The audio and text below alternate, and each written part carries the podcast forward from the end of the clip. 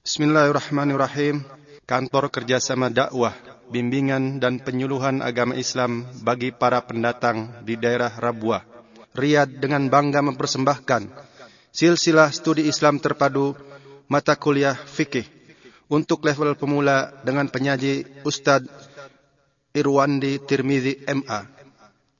Definisi fikih dan penjelasan rukun Islam. Assalamualaikum warahmatullahi wabarakatuh. Alhamdulillahi mulhimis sawab. الهادي إلى سبيل الرشاد والصلاة والسلام على خير أنبيائه وسيد أصفيائه سيدنا محمد وعلى آله وصحبه وبعد اللهم فقهنا في الدين wa'allimna ta'wil. Kaum muslimin yang dimuliakan oleh Allah Subhanahu wa taala. Pada kesempatan yang berbahagia ini kita sama-sama bertemu untuk saling mempelajari suatu ilmu dari ilmu-ilmu Islam yaitu ilmu fiqih. Ketahuilah bahwa sesungguhnya Allah Subhanahu wa taala mengangkat derajat orang-orang yang berilmu. Tentulah sampai kepada derajat berilmu harus melalui tahap sebelumnya yaitu menuntut ilmu atau mempelajari ilmu itu sendiri. Allah Subhanahu wa taala berfirman dalam surat Al-Mujadilah ayat ke-11 يرفع الله الذين آمنوا منكم والذين أوتوا العلم درجات Allah mengangkatkan derajat orang-orang yang beriman di antara kalian dan orang-orang yang diberikan ilmu. Dan tidak seorang pun memohon kepada Allah Subhanahu wa taala di dalam Al-Qur'an untuk menambah nikmat yang didapatkannya melainkan mereka memohonkan untuk ditambah ilmunya. Allah berfirman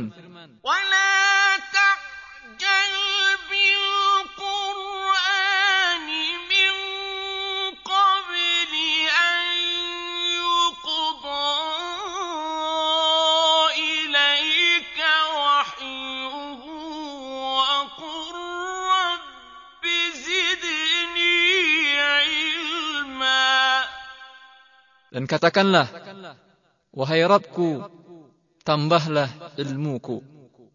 Kemudian Rasulullah sallallahu alaihi wasallam di dalam sabdanya yang lebih tegas dan lebih menjurus kepada ilmu fikih itu sendiri, beliau bersabda, "Man yuridillahu bihi khairan yufaqihu fid din."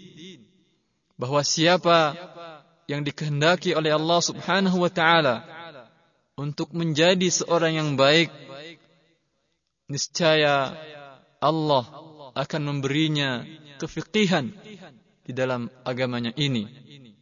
Di dalam hadis yang lain, Allah Rasulullah sallallahu alaihi wasallam mendoakan anak pamannya sendiri yaitu Abdullah bin Abbas agar menjadi seorang yang faqih, yang faham, yang mengerti tentang agama Allah Subhanahu wa taala dan mengetahui makna firman-firman Allah Subhanahu wa taala.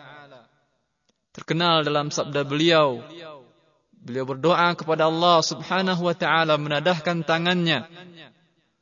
Allahumma faqihhu fid din wa at-ta'wil.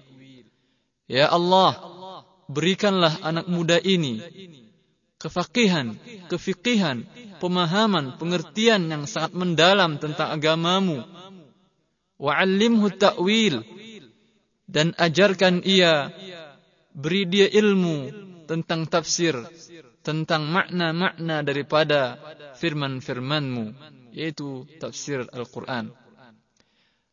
Maka berkat dari doa Rasulullah sallallahu alaihi wasallam ini adalah Abdullah bin Abbas, seorang yang sahabat yang terkenal, ahli, faqih, mengerti, faham dan tahu tentang agama Allah Subhanahu wa taala dan orang yang paling banyak ilmunya di dalam ilmu tafsir. Dari hadis di atas jelaslah bagi kita bahwa kata fiqih berarti pemahaman yang sangat mendalam. Bukanlah maksud fikih di dalam sabda Rasulullah sallallahu alaihi wasallam itu adalah fikih yang kita kenal pada saat sekarang ini yaitu ilmu tentang air, tentang berwuduk, tentang salat, tentang puasa, tentang zakat, tentang haji, tentang jual beli, tentang jihad, tentang jinayat, tentang hudud, tetapi lebih luas cakupannya daripada fikih yang kita pahami pada saat sekarang ini. Karena adalah Ibn Abbas seorang sahabat yang faham, yang mengerti, tahu keseluruhan daripada ajaran syariat Allah Subhanahu wa taala. Ini menjadi bukti bagi kita bahwa kata fikih pada masa awalnya berarti adalah pemahaman yang mendalam tentang syariat Allah Subhanahu wa taala yang mencakup ibadah, kemudian ilmu fikih itu sendiri, kemudian akidah, kemudian akhlak dan ilmu-ilmu yang lain yang dibawa oleh Rasulullah sallallahu alaihi wasallam. Maka tidak heran kita setelah mengetahui makna fikih yang sebenarnya pada masa Rasulullah dan pada awal-awalnya. Kalaulah Abu Hanifah seorang ulama fikih menamakan bukunya yang membahas tentang akidah, tentang tauhid, beliau namakan dengan Al-Fiqhul Akbar yaitu fikih yang besar atau yang agung. Tentulah maksud Abu Hanifah bukanlah fikih yang kita fahami pada dewasa ini, tapi adalah fikih pemahaman yang mendalam tentang syariat Allah Subhanahu wa taala. Dan kita ketahui bahwa syariat Allah Subhanahu wa taala yang paling pokok, yang paling mendasar, yang paling agung adalah tauhid kepada Allah Subhanahu wa taala. Inilah maksud fikih pada masa awal-awal Islam, pada masa syariat awal-awal syariat Allah Subhanahu wa taala. Kemudian kata fikih ini menyempit pemahamannya sehingga ulama-ulama kita mengatakan bahwa fikih adalah al-ilmu bil ahkam syar'iyyatil amaliyah min adillatiha at-tafsiliyah. Bahwa yang dimaksud dengan fikih adalah ilmu tentang hukum-hukum syarak yang berkaitan dengan amal perbuatan yang dihasilkan dari interaksi seorang mujtahid dengan dalil-dalil syarak yaitu Quran, sunnah, ijma' dan qiyas. Dengan demikian, makna fikih yang sekarang kita pahami adalah ilmu tentang hukum-hukum amaliyah saja. Amaliyah zahiriyah. Seperti salat, seperti zakat, puasa, haji, jual beli. Semuanya itu adalah amaliyah sifatnya. Adapun hukum-hukum hukum-hukum syarak yang di luar amaliyah tidak termasuk lagi dalam cakupan fikih pada pemahaman dewasa ini. Dan kita tidak terlalu mempermasalahkan tentang beda makna pemahaman yang penting tentang makna suatu istilah. Tetapi yang penting apa makna daripada istilah itu bisa kita fahami seperti yang dikatakan oleh para ulama la musyahata fil istilah Artinya tidak perlu berdebat panjang memperselisihkan tentang istilah suatu makna. Yang penting maknanya kita bisa memahaminya. Kaum muslimin yang dimuliakan oleh Allah Subhanahu wa taala. Setelah kita mengenal makna fikih yang dimaksudkan oleh para ulama kita yaitu hukum-hukum syarak yang bersifatnya amaliyah seperti yang telah sering kita contohkan di awal yang hukum-hukum itu dihasilkan dari ijtihad interaksi seorang mujtahid dengan dalil-dalil syarak seperti umpamanya para ulama para ulama mengatakan bahwasanya salat hukumnya wajib pernyataan salat hukumnya wajib salat adalah amalan zahiriyah. Hukumnya apa? Wajib. Pernyataan salat hukumnya wajib ini dinamakan dengan fikih yang dihasilkan oleh para ulama berdasarkan interaksi mereka dengan firman Allah Subhanahu wa taala dan sabda Rasulullah sallallahu alaihi wasallam yang sering kita dengar Allah mengatakan aqimus shalah dirikanlah oleh kalian salat. Allah tidak mengatakan salat hukumnya wajib, tapi Allah mengatakan dirikanlah salat. Kemudian para mujtahid mengatakan bahwasanya perintah Allah Subhanahu wa taala hukumnya wajib. Dengan demikian, kita sampai pada kesimpulan bahwasanya salat hukumnya wajib karena Allah memerintahkannya. Jadi pernyataan salat hukumnya adalah wajib. Inilah yang dinamakan dengan pembahasan fikih. Dengan demikian, setelah kita mengetahui maksud kata fikih, kemudian cakupannya, yaitu hukum-hukum syarak yang berkaitan dengan amal, dengan amal zahiriyah, seperti undang-undang tentang hubungan antar negara, hubungan antar pribadi seperti dengan jual beli, atau hubungan seorang hamba dengan Robnya seperti salat yang bersifat gerakan. Gerakan salat itu sendiri, kemudian puasa, ya, pembahasan para ulama fikih nanti akan kita jelaskan. Mereka hanya membahas sebatas hal-hal yang bersifat lahiriah, apa yang membatalkan puasa, kemudian apa syarat-syarat puasa, apa rukun puasa, yang bersifat lahiriah saja. Kemudian nanti dalam pembahasan zakat, para ulama fikih hanya menjelaskan sebatas harta mana saja yang harus dizakatkan, berapa zakatnya, ke siapa kepada siapa diberikan, dan mereka tidak membahas tentang maksud, tujuan atau hikmah di belakangnya itu karena ini di luar pembahasan fikih karena sudah berkaitan dengan masalah di luar perbuatan amaliyah atau perbuatan zahiriyah. Kemudian jelas bagi kita bahwa fikih dengan pemahaman dewasa ini berbeda dengan makna syariat. Syariat cakupannya lebih luas daripada fikih. Karena kita katakan syariat mencakup akidah, fikih, akhlak, kemudian ibadah dan lain-lain sebagainya. Seluruh dibawa oleh Rasulullah sallallahu alaihi wasallam dinamakan syariat. Walaupun dahulunya itu juga dinamakan dengan fikih, tetapi sekarang sudah ada istilah tertentu yang kita kalau untuk mempelajarinya, memahaminya secara benar, harus mengetahui istilah ini. Kalau tidak, kita akan keliru ketika memahami makna ini dan membaca eh, referensi-referensi uh, para ulama kita pada masanya. Kaum muslimin yang dimuliakan oleh Allah Subhanahu wa taala. Fikih ini yang merupakan satu bagian dari ilmu syariat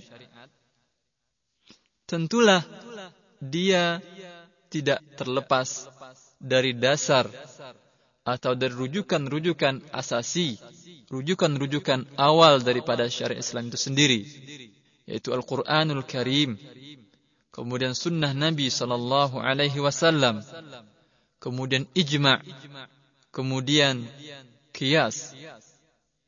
Pada masa Rasulullah SAW masih hidup, di waktu itu rujukan dan sumber hukum fikih kaum muslimin, yakni para sahabat adalah Al-Quranul Karim dan sunnah Nabi Muhammad sallallahu alaihi wasallam. Setiap ada suatu, suatu kejadian yang baru yang bersifat amalia, mereka langsung menanyakannya kepada Rasulullah sallallahu alaihi wasallam. Dan terkadang Rasulullah wasallam menjawabnya, andai beliau, beliau telah mengetahuinya dari wahyu, dan jika beliau belum mengetahuinya dari wahyu, beliau diam sebentar untuk menunggu sampai wahyu datang. Atau terkadang Allah subhanahu wa ta'ala sendiri yang langsung menjawabnya.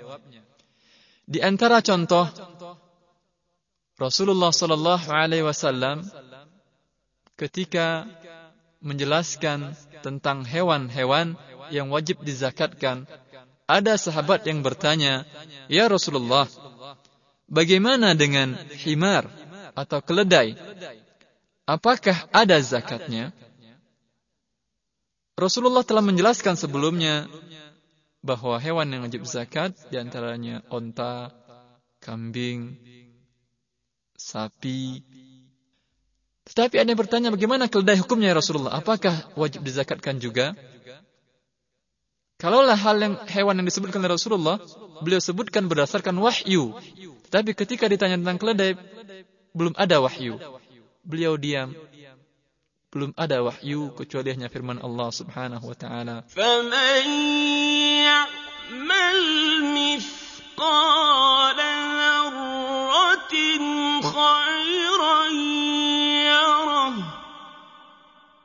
وَمَن يَعْمَلْ مِثْقَالَ ذَرَّةٍ شَرًّا يَرَهُ yang artinya siapa yang berbuat kebajikan walaupun hanya seberat biji zarah Allah akan membalasnya dan dia akan lihat balasannya itu nanti di hari akhirat dan sebaliknya siapa yang melakukan amal kejahatan walaupun hanya seberat biji zarah dia akan melihat dan akan menerima balasan dari amal jahatnya tersebut. Maksud Rasulullah SAW menjawab pertanyaan tentang keledai itu, artinya, andai engkau keluarkan zakatnya, insya Allah termasuk dalam ayat tersebut. Tetapi saya tidak bisa mengatakan bahwa keledai itu wajib dikeluarkan zakatnya, tapi hanya dalam hal sunnah saja. Sepertinya Rasulullah SAW mengatakan begitu, karena belum ada wahyu. Di antara contoh, Allah sendiri yang menjawab pertanyaan sahabat tentang sesuatu hukum yang bersifat amaliyah. Allah kekalkan dalam Al-Quran yang banyak diawali oleh Allah Subhanahu wa taala dengan firman-Nya "Alunak". Di antaranya Allah mengatakan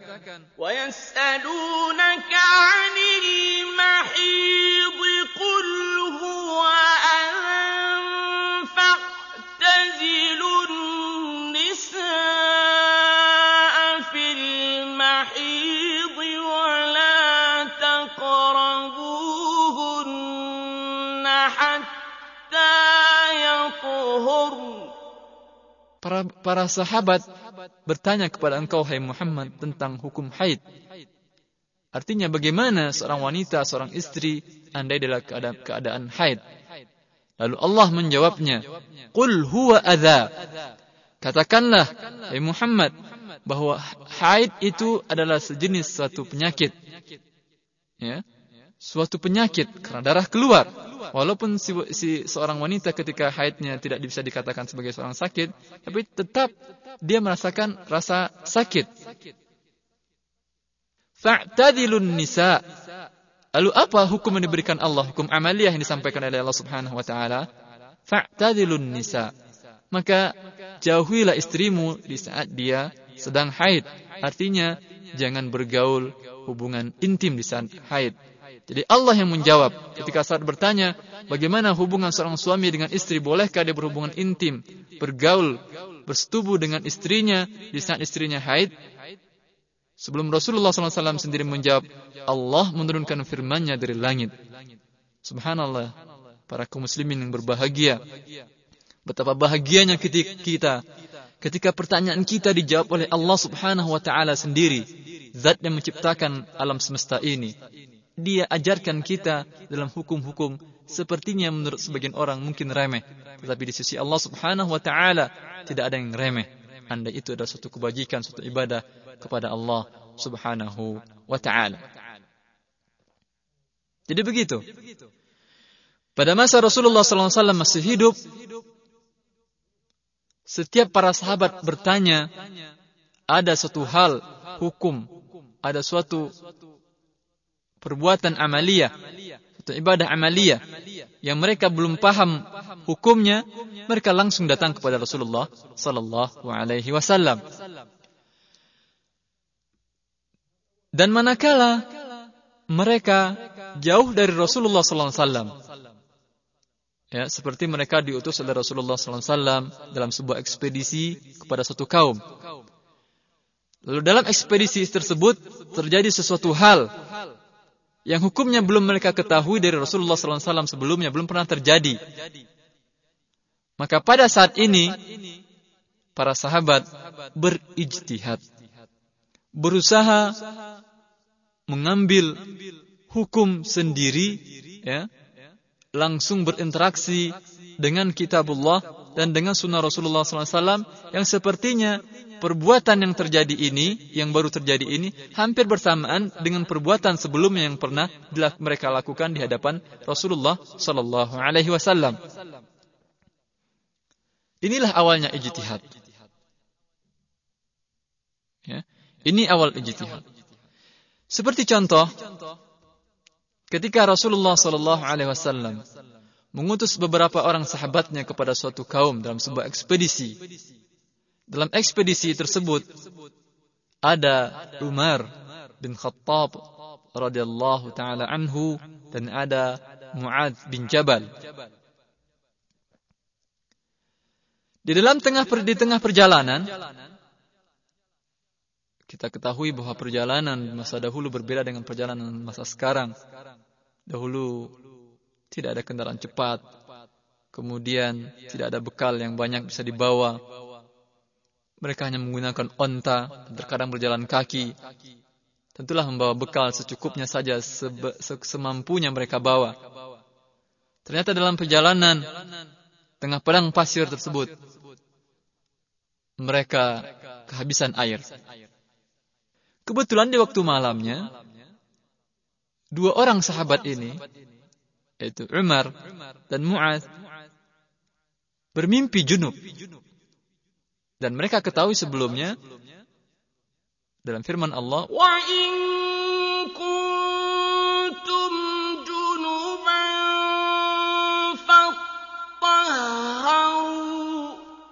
Allah mengatakan, jika kalian dalam keadaan junub, maka bersucilah, mandi, kata Allah Subhanahu wa taala. Dan ini telah mereka ketahui dari Rasulullah sallallahu alaihi wasallam. Kemudian mereka junub di pagi harinya, ingin sholat subuh, tetapi air untuk mandi tidak ada. Karena untuk minum saja, sepertinya kurang. Lalu bagaimana? Dan mereka sudah tahu bahwa boleh tayamum. Da, tapi hanya tahu bahwa tayamum untuk ganti wudhu. Maka dua orang sahabat ini masing-masing mengeluarkan ijtihadnya. Mereka berusaha mencari hukum ini sesuai enggak sepertinya sesuai enggak dengan hukum yang ditetapkan oleh Rasulullah sallallahu alaihi wasallam. Apa yang terjadi? Muaz bin Jabal berfikir menghasilkan berijtihad. Kemudian beliau melakukan perbuatannya ini bersuci untuk melaksanakan salat sesuai dengan ijtihad dia. Berdasarkan dalil-dalil nas-nas Al-Qur'an dan hadis yang beliau terima sebenarnya dari Rasulullah sallallahu alaihi wasallam. Apa yang dilakukan oleh Mu'ad? Ternyata Mu'az, kaum muslimin yang berbahagia, beliau ya, tidur di atas pasir, kemudian berguling-guling di atas pasir, dan menyapu seluruh badannya, anggota tubuhnya dengan pasir tersebut. Kenapa? Tentu kita bisa menjawab bahwasanya Mu'ad mengkiaskan, menganalogikan dengan mandi junub. Beliau memahami bahwa pasir atau tanah adalah ganti daripada air andai air tidak ada. Ganti bersucinya menggunakan tanah. Kalaulah di saat seseorang mandi besar ketika ada junub, menyiramkan seluruh air, menyiramkan air ke seluruh tubuhnya, tentulah ketika dia mengangkatkan hadas besar dari junubnya dengan dengan tanah, beliau harus menempelkan seluruh tanah ke seluruh, ke seluruh ke, menempelkan tanah ke seluruh bagian anggota tubuhnya. Dan ini yang terjadi. Tetapi Umar bin Khattab radhiyallahu taala anhu beliau melakukan tayamum seperti tayamum untuk salat. Beliau lakukan tayamum seperti tayamum untuk salat. Yaitu dengan mengambil pasir atau tanah itu tangannya ditempelkan ke permukaan pasir atau tanah telapak tangannya dua telapak tangannya kemudian beliau usapkan ke mukanya dan kedua tangannya setelah ini terjadi dan kedua sahabat ini selesai dari ekspedisinya dan kembali kepada Rasulullah sallallahu alaihi wasallam.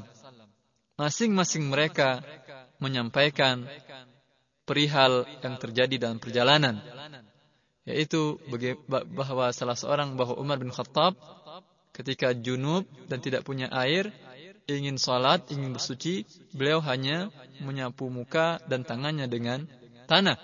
Sedangkan Muaz ketika junub dan ingin sholat. Beliau bersuci dengan menyapukan menyapukan tanah ke seluruh tubuhnya.